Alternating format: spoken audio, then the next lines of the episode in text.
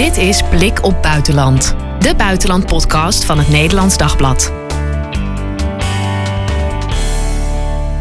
Leuk dat je luistert. Mijn naam is Marien Korterink en in deze podcast bespreken we wekelijks allerlei zaken die er spelen buiten Nederland. Een hoop ook deze week te bespreken. Vandaag bij mij buitenlandcommentator Jan van Bentum. Goed dat je er bent, Jan. Dankjewel. Straks Israël, ook eh, veel gebeurd deze week. Eerst de oorlog in Oekraïne. Ja, waar moeten we beginnen zou ik bijna zeggen. Want er gebeurt zoveel, allemaal kleine dingetjes eigenlijk die ik graag met je aan wil stippen. Ja, was maar klein.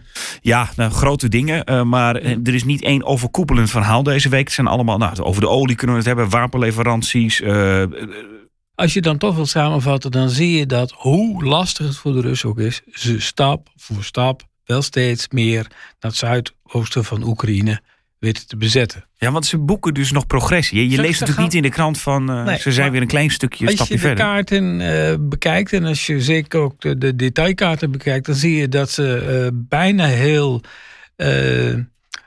nou, Donetsk nog niet helemaal, maar Lugansk wel bijna helemaal in handen hebben. Ze zitten bij Lysychansk, een belangrijke plek daar.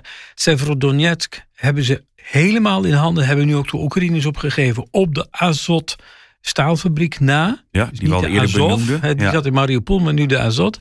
Um, dat is dan waar nog uh, verdedigers en ook burgers zitten. Maar de rest van de stad is in, in, in uh, Russische handen. Ze rukken op richting uh, Kharkov weer. Een stad die e-, eerst buitenschot leek te zijn, waar de mensen uit de uh, ondergrondse, de metro uh, zijn gekomen, waar ze schuilden en weer probeerden naar huis te gaan. Het leven ging weer een beetje beginnen ja, daar. Hè? Maar daar in de omgeving ervan beginnen de Russen toch weer meer terrein te winnen. Um, en ja, ze hebben gewoon, en dat blijkt wel, dat zegt ook Zelensky, ze hebben enorme hoeveelheden munitie. Daar gaat het met name om. Kijk, um, ja, de Russen bedoel je? De Russen, ja. ja, ja. En uh, de Oekraïne krijgt wel materiaal, maar uh, je moet je voorstellen dat er continu wordt geschoten. En als jij dan bijvoorbeeld, zoals uh, een voorbeeld wat genoemd werd gisteren, was Amerikanen hebben een, een zwik semi-automatisch wapens gestuurd met 120 kogels per geweer erbij. Daar ben je een kwartier doorheen. Dus dat, ja. dat helpt wel. Maar als je dan in actual combat komt, echt, echt in gevecht komt, dan, dan dat gaat echt met een bloedgang dan. En dat is met name de bottleneck voor Oekraïne nu. De hoeveelheid munitie. Ja, het is een beetje raar om te zeggen natuurlijk. Maar uh, ik weet wel dat we hier in Nederland heb ik wel eens gepaintbald. En dan heb je ook inderdaad heel weinig kogels. En, en dat is gewoon natuurlijk in, in zo'n oorlog is het natuurlijk echt een situatie. Dus ja. uh, niet dat het vergelijkbaar is. Maar dan, dan kom je er wel achter. Dat is gewoon een enorm probleem natuurlijk. Want je ja. kan niet in een oorlog met te weinig kogels komen te zitten. Nee. En dat, uh, kijk, de Oekraïners krijgen nu ook wel van die kanonnen. Maar bijvoorbeeld de helft van wat de Amerikanen hebben beloofd is nog maar aangekomen. Een derde van wat de Duitsers hebben beloofd is nog maar aangekomen. En dan moet je het ook nog goed gaan opstellen en gaan gebruiken en uh, ermee vertrouwd raken. Uh, alleen de Polen en de Britten die schijnen echt te hebben geleverd al wat ze hebben beloofd. Ook Nederland heeft al dingen geleverd al. En dan zie je ook wel dat effect heeft. Er is net uh, op 19 juni uh, was er bericht dat de Oekraïners weer een schip tot zinken hadden gebracht van de Russen. Er blijkt een Russische sleeboot te zijn, een vrij groot ding, wat ook voorraden richting uh, de Russische, door Rusland bezette haven sleepte. Om daar weer verder uh, nou ja, zeg maar de, de invasie voort te zetten. Ja, dus vanuit diepe Rusland eigenlijk naar oorlogsgebied. Ja, nou ja, vanaf Rostov en dat soort plekken. Hè, die, uh, vlak bij de Krim op zich liggen. En ook vanuit de Krim doen ze dat. Wat ook in Russische handen is. En dit ging dan specifiek naar dat slangeneiland. Hè, wat eerder bekend was dat de Oekraïners zich daar niet wilden overgeven. Ja, die dan zeiden van, uh, de, de Russen zeiden daarvan uh, vanaf die boot volgens mij, vanaf zo'n schip, geef je over. Toen zeiden ja. ze van, ja eigenlijk ja. een soort middelvinger van, ja. stik er maar in. Stik er maar in, ja. ja. En hoe komt het dat de Russen wel gewoon zoveel kogels hebben? Nou, ze hebben een hele grote defensieindustrie. En na de Verenigde Staten is het ook de grootste exporteur van, van wapens en, en wapensystemen en vliegtuigen en je noemt het maar over de hele wereld. Uh, om, om je een idee te geven, er is een bericht geweest dat er bij een raketaanval met kaliber kruisraketten vanaf een Russisch fregat op de Zwarte Zee, dus daar zitten ze nog steeds met hun vloot en die hebben die wapens, um, een, een vergadering zouden hebben getroffen waar hoge Oekraïnse officieren bij elkaar waren van de Alexander-divisie. Daarbij zouden meerdere generaals, luitenant-kolonels en andere hoge officieren zijn gedood. In totaal zegt uh, een van de uh, pro-Russische gouverneurs in Zaporizhzhia nu, uh, zouden daar zes, 57 hoge Oekraïense officieren bij zijn omgekomen. Nou, er is van de Oekraïnse zijde geen enkele bevestiging. De enige berichten die, die, je erover kunt vinden zijn in allerlei Russische uh, staatsmedia als TAS, RIA Novosti en overal kun je het wel vinden. Um, maar het geeft wel aan dat Rusland die systemen nog steeds heeft. Ook nog voldoende raketten heeft. Er zouden vijf van die dingen op, uh, op die plek zijn afgeschoten. Uh, nou ja, een salvo is gemiddeld zeven van die dingen tegelijk. Uh, ja. Maar ze hebben ze gewoon nog. Ze en, en wij hebben die industrie dus in Europa niet om ook, ook dat soort aantallen wel, te maken. niet meer om dat soort aantallen te maken. En dan, uh, voordat je dat kunt doen, moet je die industrie weer herbouwen, als het ware. Kijk, Nederland had in het verleden ook munitiefabrieken. Uh, nee, ben je dus gaan munitie gaan leveren, dan moet je het eerst zelf kopen. Of je moet de fabriek gaan bouwen om het weer te gaan maken. Maar dat, dat is ook echt lange termijn dat werk. Dat is allemaal lange termijn. En daar waarschuwde bijvoorbeeld de secretaris-generaal van de NAVO ook voor. Hè? Uh, Stoltenberg. Die zei van jongens, dit kan wel eens een, een uitputtingsoorlog worden die jaren kan duren. Dan is het wel relevant om eventueel dan dus weer zo'n munitie... Ja, uh... ja nou ja, goed, dus je moet er goed over nadenken van wat is nu nodig? Nou, alles. En wat is op die lange termijn nodig? Want dit is voorlopig niet voorbij. Rusland wil dat zuiden van Oekraïne in handen hebben, wil de hele zeekust in handen hebben. Punt. Ja, en daar gaan ze, nou, maakt ze niet uit hoe lang mee door. Nou ja, 21 jaar, hè? Uh, ja, hebben we vorige week inderdaad genoemd. Dat zei Poetin uh, een dikke week ja. geleden. Ja. Hey, nou noemde jij dat net eventjes. Hè? De Russia, Russische media melden dat ze tal van officieren en generaals van Oekraïne zouden hebben geraakt bij een raketaanval. En dat is dan lastig om daarachter te komen, is dat nou wel of niet gebeurd? Want alle media in Rusland zeggen dat het gebeurd is. Ja. Oekraïne lees je niks. Het Westen eigenlijk ook helemaal niks. Kan het niet bevestigd nog ontkend krijgen. Ook uh, het ministerie van Defensie van de Britten, wat vrij goed op up-to-date is, heeft, zwijgt hierover. Het Institute for the Study of War zwijgt hierover. Al die rapporten door zitten spitten niet terug te vinden. Niks. Ja. Je weet het gewoon niet. En besef wel, Russische uh, berichten zijn ook voor een heel belangrijk deel propaganda. Het zou best wel eens niet waar kunnen zijn. Ja. Maar, dan maak maar ik misschien wel, wel een, aantal hoge officieren. Ja. Dan maak ik wel een optelsom. Stel, er is hier een klein beetje van waar. Uh, het nieuws dat wat jij net zegt, hè, dat de Russen wel weer uh, progressie boeken. En dat Zelensky zich zorgen maakt, heeft hij ook deze week gezegd. Ja, behoorlijk ja. Omdat, uh, nou, dat heeft hij ook al eerder gezegd, de Oekraïners tot 200 man per dag verliezen. Dood. Niet alleen maar gewond, maar dood. Dat is dus elke week bijna anderhalf duizend. En we vechten nu al meer dan vier maanden. Het gaat om vele, vele duizenden militairen die al zijn gesneuveld. Laat staan hoeveel er al gewond zijn geraakt. Ja, maar wat moet er gebeuren? kant ook wel. Hè? Daar praten ze over tussen, te, tegen de 39.000 uh, doden. Maar ja, het Russische leger is wel een tikje groter. Maar wat moet er dan gebeuren volgens Zelensky? Ja, die wil meer wapens en die wil uh, ook die strenge sancties handhaven. Maar ook dat is een, een, een, uh, een probleem. Maandag deze week werd bekend dat uh, Rusland nu de eerste olieleverancier aan China is geworden. Het heeft in, ook in andere markten, denk aan India en bijvoorbeeld Saoedi-Arabië, gewoon van, van zijn plek verdreven. Ehm, dan wordt het wel gedaan met grote kortingen, maar let op. Dat zijn kortingen op de huidige hoge olieprijs. En die is het dubbel of het drievoudige of het viervoudige van wat die was, afhankelijk van wat soort je het over hebt. Dan maken ze nog dikke winst. De, de korting is iets van 30 tot 40 dollar per vat. Maar ja, een aantal jaren geleden betaalde je 40 dollar per vat en nu hebben we het over 120. Ergo. Ja. Ze verdienen heel veel geld. Het tikt binnen. Ja. En wij hebben dan een probleem met gas, juist. Ja, nou ja, de, de, ze, ze, hoeven het niet meer zo hard aan Europa te leveren als je op die manier het ook kwijt kunt. Ja. ja. en dat gaan we natuurlijk, dat wordt alleen maar erger ook de komende dat tijd. Dat wordt heel erger. Ik bedoel, dat is uh, waarom onze kolencentrales harder moeten gaan draaien. Om gasvoorraden aan uh, te, te, houden die je in de winter voor huishoudens kunt inzetten. En dan zouden dus de grootindustrie die uh, wel elektriciteit nodig heeft, dat moeten betrekken van kolengestokte centrales. Nou, daar gaat je klimaatdoelstelling. Al zegt de regering dat het nog binnen de klimaatdoelstellingen zou passen. Nou ja, ga maar eens uitleggen hoe je dat doet dan. Als kolencentrales een van de grootste vervuilers uh, zijn die je kunt bedenken. Ja, interessant. En uh, ik las ook dat er deserteurs zouden zijn aan de Oekraïnse kant. Hoe komt ja, dat? Dat wordt, dat wordt door de Russen voortdurend beweerd. Dat is propaganda. niet te controleren. Kijk, als du moment dat zij aan de Russische zijde zitten en voor een camera worden gedrukt, ga jij mij maar eens vertellen of vrijwillig is wat ze daar vertellen. Ja, dat weet niemand, dus daar kan je ook nooit achter Op komen. dit moment niet achterkomen. Nee. Dan moet En- je erbij zijn, dan heb je zelf ook een probleem. En dan blijft het toch lastig om een verslag te doen van zo'n oorlog. Omdat, nou ja, we hebben het over die, eh, die Russen die eh, raketten zouden hebben gebombardeerd. om- En, en allemaal officiers en eh, generaals hebben geraakt. Dat weten we niet. Deserteurs weten we niet. Of de Oekraïners nog gebieden terugveroveren. Weten we dat wel? Nou, er zijn een paar gebieden waar de Oekraïners wel gebied hebben heroverd. Eh, maar als je dat vergelijkt met wat de Russen hebben te pakken gekregen de afgelopen week, is dat, eh, praat je over kleinere gebieden.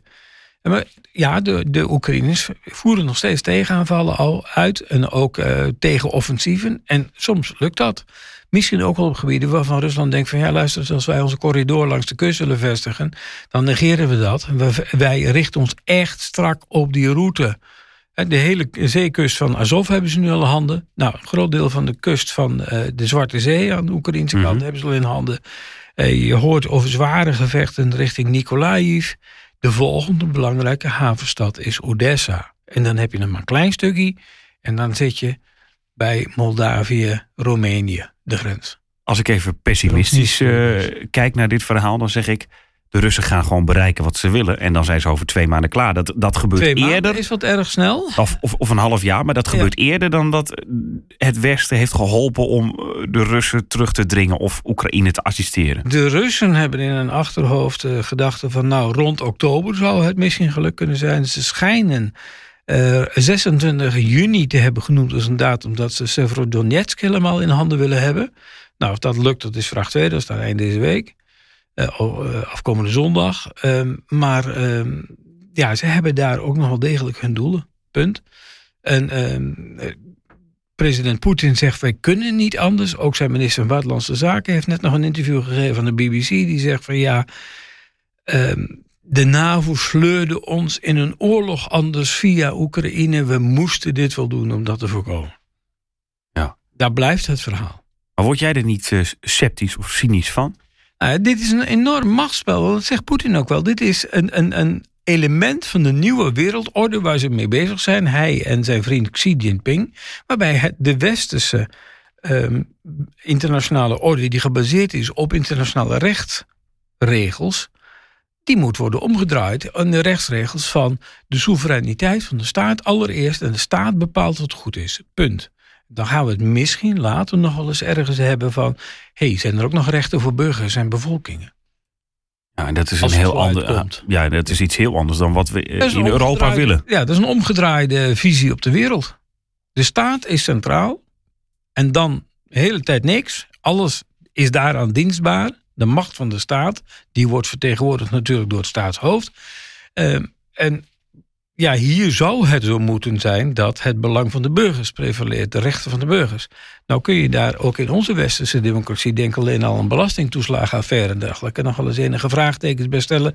Of de administration, hoe zeg je het in Nederlands? Ik denk vaak het Engels. Hè, als Ja, ja. ja. Ja, ja, ja. Of, of zeg maar het ambtenarenapparaat er ook Oh, over ja. denkt. Ja, ja precies.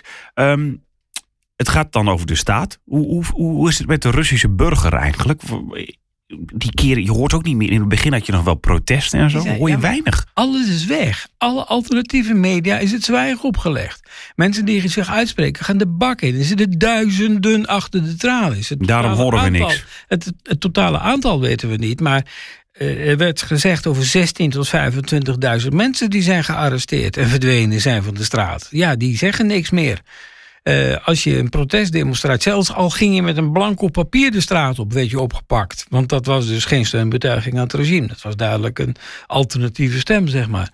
Nee, die hoor je niet meer. En ja, er zijn meer dan een miljoen Russen vertrokken uit Rusland. En die worden te veel genegeerd. Er wordt te weinig naar geluisterd. Die hebben een verhaal te vertellen. Nou lijkt het een eh, goed nieuwsshow voor, eh, voor Rusland. Als je, Ja. als je, nou, maar meer als je hoort wat er gebeurt, dat ze progressie boeken. Ja. eh, dat wij die tegengeluiden eigenlijk amper meer horen vanuit, vanuit Rusland. Ehm, is er nog reden tot optimisme als je naar Europa kijkt? Want ik heb wel het idee dat, de, dat de, ja, Finland, uh, et cetera, wel meer naar Europa is getrokken. Zweden natuurlijk ook. Finland en Zweden die uh, sowieso al lid zijn van de Europese Unie, maar ook lid van de NAVO willen worden. Maar ja, Europa zal sterk eenheid moeten vormen, want je krijgt nu een gedoe rond Kaliningrad. Dat is een Russische enclave tussen Polen in het westen. Uh, Belarus in het zuidoosten en mhm. Litouwen in het noorden.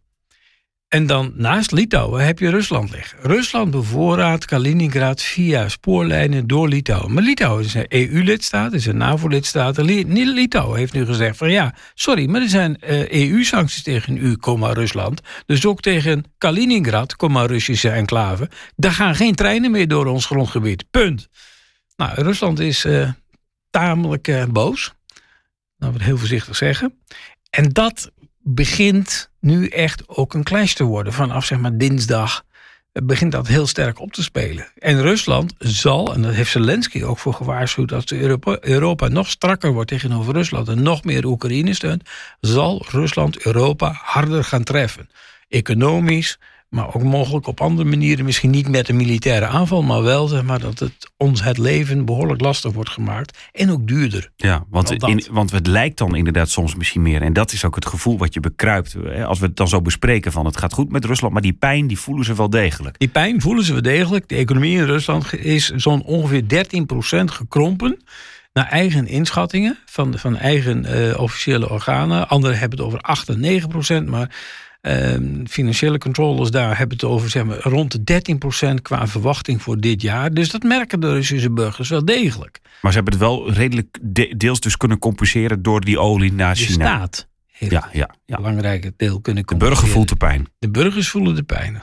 Ja, ja. En dat, dat horen we nou net weer niet. Nee. Ja.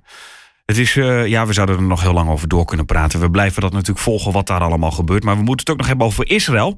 Want daar is afgelopen maandag de regering gevallen. Ja, op eigen initiatief. Ja, dat moet je even uitleggen. Maar kijk, er waren net maandagavond twee uh, moties van wantrouwen tegen de regering. Uh, die komen vanuit de oppositie. En die overleefde de regering. 57 versus 52 stemmen. de Arabieren onthielden zich van stemming, de Arabische partijen, dus dat scheelde. Um, en dat deden ze ook expres om de coalitie te steunen. want deze coalitie is een hele rare coalitie. Acht partijen van extreem rechtsnationalistisch. De Yamina-partij van uh, premier uh, Naftali Bennett. Die overigens maar net de kiesdrempel van 5% uh, had gehaald. En, maar hij mocht premier worden van Yair Lapid, de leider van Yes Latif. Ehm, en dat is een, zeg maar, een meer veel liberalere partij. Die, dat is de tweede partij van het land. Niet zo groot als Likud, dat is nog steeds de grootste partij, die nu in de oppositie zit. Maar, van, uh, van Netanyahu? Ja, van Netanyahu. Maar Lapid was dus zeg maar, de oppositieleider. Maar die heeft deze coalitie kunnen vormen door tegen Bennett te zeggen van jij wordt eerst premier en dan na twee jaar dan word ik premier en dan word jij alternative eh, prime minister, heet het, hè, alternerend premier. Um, nou, dat is nu gebeurd. Men zag uh, aankomen dat er weer een stemming zou komen. Er was al een uh, verlenging. Uh, zou er niet doorgaan van ehm, speciale bestuurlijke regels die gelden voor op de westelijke Jordaan-oever. Dat was met steun ook van Likud gebeurd, maar ook van Yamina, leden van Yamina, die uit de coalitie waren gestapt, terwijl de partij er nog wel in zit. Het wordt wel heel ingewikkeld. Ja, dus je hebt een regeringspartij waarvan een drietal, uh, sorry, een tweetal uh, leden uit de, uh, zeg maar zich los hebben gemaakt. Ja, dus eigenlijk als je bij wijze van spreken nu bij de VVD zou zitten of bij de ChristenUnie, die zit in de coalitie en twee mensen zeggen ik steun het niet meer, ik ga gewoon onafhankelijk in de Kamer ja, zitten. Nou, dat is gebeurd en die stemden dus ook tegen de regering van hun eigen, waarin hun eigen partij in zit. En uh, dat het zou mislopen. En, en uh, vooral Bennett zegt zelf het besluit te hebben genomen, maar hij en Lapid hebben dit gezamenlijk bekendgemaakt en gezegd: we hebben gewoon echt alles geprobeerd om deze coalitie in leven te houden. Ze hebben er een jaar gezeten, dus Bennett wordt waarschijnlijk de kortzittende premier in de Israëlische geschiedenis. Als het zo doorgaat. Want hij, hij treedt dus meteen af als premier als het parlement wordt ontbonden. Dat moet dat, dat uh, was nog niet duidelijk op het moment dat dat zeiden. Daar moet het parlement zelf ook nog over beslissen. Maar dat zou waarschijnlijk dan volgende week echt gaan gebeuren. Dat het echt wordt ontbonden. Nou, dan krijg je dus die tussentijdse regering. En dan krijg je ongeveer de datum is, die is genoemd, is 25 oktober. Krijg je voor de vijfde keer in ruim drie jaar tijd weer verkiezingen in Israël. Ja, want we moeten toch even die situatie bekijken van dat land. Want wat jij zegt het net al, hè, die constructie die ze nu had, is eigenlijk dus ook dat Mark Rutte zegt: Ik heb Gert-Jan Segers en de ChristenUnie met zes zetels nodig. Dan mag jij eerst twee jaar uh, Ja. minister-president zijn, en dan, dan daarna ik. Die verhouding heb je het over. Ja. Maar waarom? Eh, Omdat het gewoon onmogelijk was om überhaupt tot een regering te komen? Om ook Jamina binnen de regering te krijgen. Ja. Acht Maar- partijen. Acht partijen, ja. Oh, inclusief een islamistische Arabische partij. Die zich toch redelijk loyaal steeds heeft opge- opgesteld. Hoewel er wel ook dissidenten binnen die partij waren. Nou, ja, goed, echt heel raar, maar heel succesvol. Als je terug gaat kijken. Israël had er drie jaar lang geen begroting. Ondanks al die regeringen Netanyahu die dan binnen de kortste keren weer vielen. Ja. Er was geen begroting. Er werd geen beleid meer gevoerd. Hoe kan dat dat je geen begroting hebt Ja, überhaupt? da- omdat er nooit een meerderheid was. En ehm, dat, deze regering heeft een begroting in elkaar gesleept. Heeft belangrijke benoemingen gedaan. Heeft bestuurlijke hervormingen doorgevoerd. eh, heeft dus een hele zwik dingen aangepakt die waren blijven liggen jarenlang. Dus als je dat gaat kijken en, en, vergelijkt met die jaren daarvoor, is dit een heel effectieve, goede regering geweest. En twee, de manier waarop ze zijn afgetreden, krijgt in alle Israëlische media, op echt de ultranationalistische media na, krijgt die lof van: hé, hey, dit ging heel, heel keurig. Op een hele menselijke, fatsoenlijke manier. Lapid prees Bennett, Bennett prees Lapid. Ze zeiden beide: we hebben politiek eigenlijk geen overeenkomst, behalve dat we dit land willen dienen. Dat heeft ons verenigd, dat heeft de ander met zijn beste vermogen gedaan. Dat zeiden ze dus over elkaar. Terwijl, nou, dan heb je het over de VVD en, en pak een beetje GroenLinks of zo, zeg maar. Ja, die Eh, zeggen van eh, ja, mijlen ver uit elkaar en toch Ja. elkaar. Ja. En, en het was natuurlijk Gewoon ook op, elkaar. het, op, op het terrein van hoe regeer je? Hoe stel je je op? Hoe ga je om met je tegenstanders? En ook met je coalitiepartijen. Beduvel je de zaak, fles je de zaak? Ben je uit op je eigen positie? Of ben je erop uit het land er beter op te laten worden? En dat laatste, en dat hebben ze wel gedaan. Dat moet je ze toegeven. Ja. En toch, het is al jarenlang een probleem natuurlijk. Hè? Eh, onderhandelingen duren lang over eh Netanyahu, die dan na een jaar weer, Ja. of, of nou, weer weer moet stoppen. Hoe kan dat? Wat, wat is daar politiek aan de hand? Kan je er dat is uitleggen? geen meerderheid. Zelfs bij de huidige peilingen is er geen enkel blok wat echt een afgetekende meerderheid kan hebben. Het is allebei zo'n beetje 59 van de 120 zetels en je hebt 61 nodig voor de meerderheid. Nou, er zou nu dan met alle mogelijke lijm- en slijmmiddelen, zou Netanyahu's Likud misschien nog een 61 zetels kunnen krijgen als er nu verkiezingen Die je nodig worden hebt. Het is ook, de coalitie wilde ook dat voorkomen, dat Netanyahu überhaupt weer terugkomt. De beste kans voor Likud om weer in de regering te komen lijkt wel te zijn dat Netanyahu zou aftreden als partijleider. Maar dan krijg je vraag 2, wie dan? En dat weet dan ook weer niemand. Nee, er is geen echte opvolger die zich heeft kunnen profileren zolang Bibi Netanyahu leider is. Er is geen bestaan binnen Likud buiten Netanyahu. Dus bijvoorbeeld waarom Gideon Saar, de huidige minister van Justitie, ook uit de Likud is gestapt. Die wilde wel anders, maar no way. Is het een beetje, als we dan toch die parallellen proberen te trekken met, met Nederland, eh Netanyahu, een beetje Mark Rutte, dat, dat je denkt aan wie zou het dan Nou, moeten dan doen bij wel de in kwadraat, hè? Ja, ja, ja, nee, precies. eh, hij, ik, ik bedoel, Mark Rutte staat nog niet te- terecht voor op zijn minst drie po- potentiële corruptiezaken. Nee, nee, En precies. Dat sleept Netanyahu wel aan zijn been mee. En dat hindert hem ook wel degelijk. In welke zin hindert het hem dat? Nou ja, kijk, je geloofwaardigheid als premier. Hij kan bijvoorbeeld niet eens, wettelijk niet eens meer minister worden. Want een minister tegen wie een strafrechtelijke zaak loopt, dat kan niet in de Israëlische wet. Alleen in de wet staat niet een eerste minister. Dus hij kan niet minister worden, maar wel eerste minister. Het is alles of niets voor hem. Ja. En als eerste minister zou hij misschien toch weer wat regels kunnen doorvoeren. wat hem minder gevoelig maakt voor strafvervolging op bepaalde terreinen. Dat is dan weer de angst van de oppositie. Nou ja, de huidige coalitie dan. Ja. Overwegen ze eigenlijk ook wel eens, want dat zie je hier in Nederland, wordt dan ook wel eens gezegd, hè, we krijgen allemaal splinterpartijen en straks hebben we hier in Nederland ook tien partijen nodig voor een meerderheid. Ja. We, we moeten meer Nee, samenwerking. of er zo. Ja, nee, precies. Dus, maar over, zeggen ze daar dan ook wel eens van, eh, we, zouden naar een kleinere partijenstelsel moeten of Dat, een hogere door- kiesdrempel dat- of zo? nou ja, de kiesdrempel daar is eh, vijf zetels. Eh, dat is dus eigenlijk zo'n 4 procent van de stemmen. Het Duitse systeem, zeg maar, hebben ze daar. Hè? Dat heb je in de Bundestag, heb je dat ook. Dus wat dat betreft zou dat hier in Nederland de SGP uit de Tweede Kamer jagen. De ChristenUnie zou er nog met uh, hand en tand in blijven hangen. Uh, BBB, uh, Partij van de Dieren en dat soort dingen, dat zou al lang al niet bestaan. De Partij van de Dieren Ja, die zijn nu op, in de peilingen dan. Maar goed, die waren vroeger natuurlijk ook inderdaad ook echt klein. En, ja, toen, ja. Dus dat, dat soort zaken dus zou dan krijgen. Desalniettemin zie je toch nog steeds een heel versplinterd beeld in de Israëlische politiek.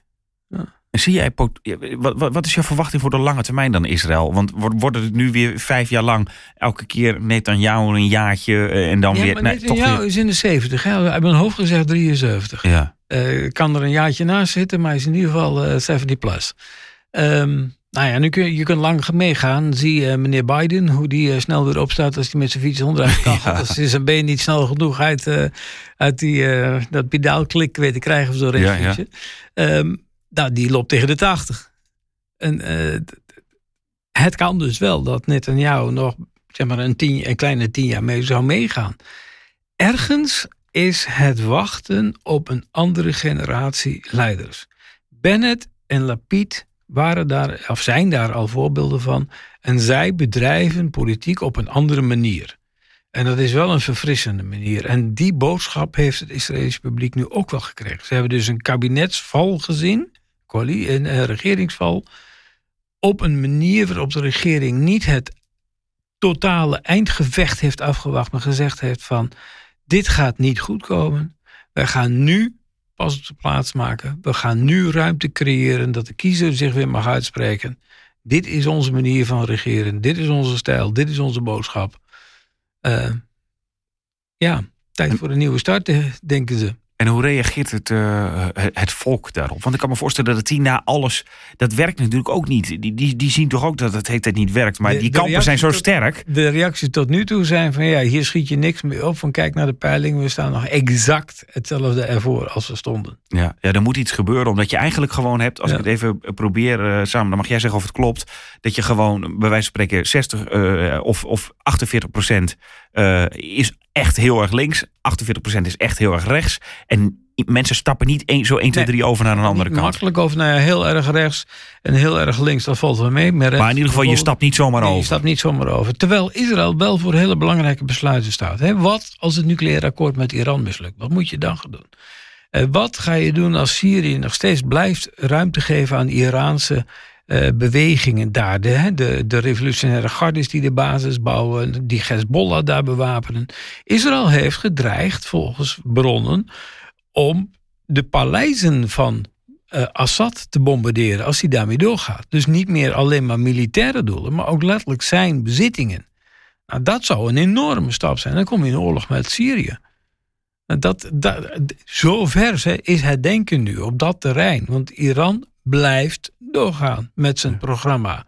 Terwijl overigens in Iran zelf het, het volk uh, in protest de straat op gaat, omdat het aan het uh, verhongeren slaat. Ja, dat is dan buiten. Dan heb je in het land zelf natuurlijk ook uh, hoe je met Palestijnen. Daar, de verschillen alle partijen het ook van mening. helemaal stil. Ook omdat uh, Bennett is een, uh, echt een rechtsnationalist. die wilde absoluut niet met de Palestijnen praten. Dat hebben Benny Gantz van, Blauw, van Blauw-Wit wel gedaan. Die is minister van Defensie. Dat heeft ook Jair Lapid, nu minister van Buitenlandse Zaken, wel gedaan.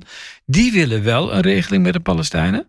Bennett wilde dat niet. Netanyahu zei vroeger van ik wil dat wel, maar deed het niet. En zegt nu ook uh, van dat hij dat niet meer wil. Dus ja, op dat terrein ligt ook alles stil. En dat kan ook niet oneindig doorgaan. Want wat voor regelingen moet je dan aan denken? Dan zou je toch naar een vredesakkoord moeten gaan, waarbij de Palestijnen meer echt zelfbestuur krijgen in de gebieden die onder de Oslo-akkoorden zijn overeengekomen. Dat Israël ook echt een eind maakt aan uh, bepaalde uh, uitbreiding van bepaalde nederzettingen. Niet van allemaal. Want er waren in de onderhandelingen zo rond 2000 al wel gedachten over... ja, nederzettingen als Mali, Adumim en dergelijke... dat zijn grote buitensteden van Jeruzalem geworden. Daar ga je niet meer teruggeven. Daarvoor zou dus een ruil moeten komen van andere gebieden naar de Palestijnen toe. Er zijn plannen voor. Zelfs het plan van visie op vrede van Trump voorzag dat de Palestijnen belangrijke gebieden kregen, zowel in het noordoosten van Israël als in het zuidwesten, dus langs de Negev, bij, uh, bij de Gazastrook. Ja. Ingewikkeld. Ja, dat is hartstikke ingewikkeld. Dan heb je dus echt een regering nodig die het volk kan leiden op dat terrein. Ook het vertrouwen van het volk heeft. Ook een visie daarop heeft. En echt voor de toekomst van Israël gaat. En niet voor de eigen politieke of juridische toekomst. En dan is het zuur dat dat nu net een beetje leek te gebeuren. Ja, en, En we weer op, ja, opnieuw moeten beginnen. de, gedachte was dat in november 2023, als Jair Lapid dan premier zou worden, dat dat de start op dat terrein zou gaan worden. Dat hij dan met onderhandelingen zou beginnen. Heel misschien ook met een andere Palestijnse leider dan Mahmoud Abbas. We gaan het eh, blijven volgen. Dankjewel Jan voor deze week. Graag gedaan. Dit was Blik op Buitenland. Heb je een vraag of wil je reageren? Dat kan via podcast.nd.nl. Laat verder ook vooral een recensie achter of geef ons sterren in je favoriete podcast-app. Dat zorgt ervoor dat anderen ons ook goed kunnen vinden. Volgende week donderdag staat er weer een nieuwe Blik op Buitenland voor je klaar. Tot dan!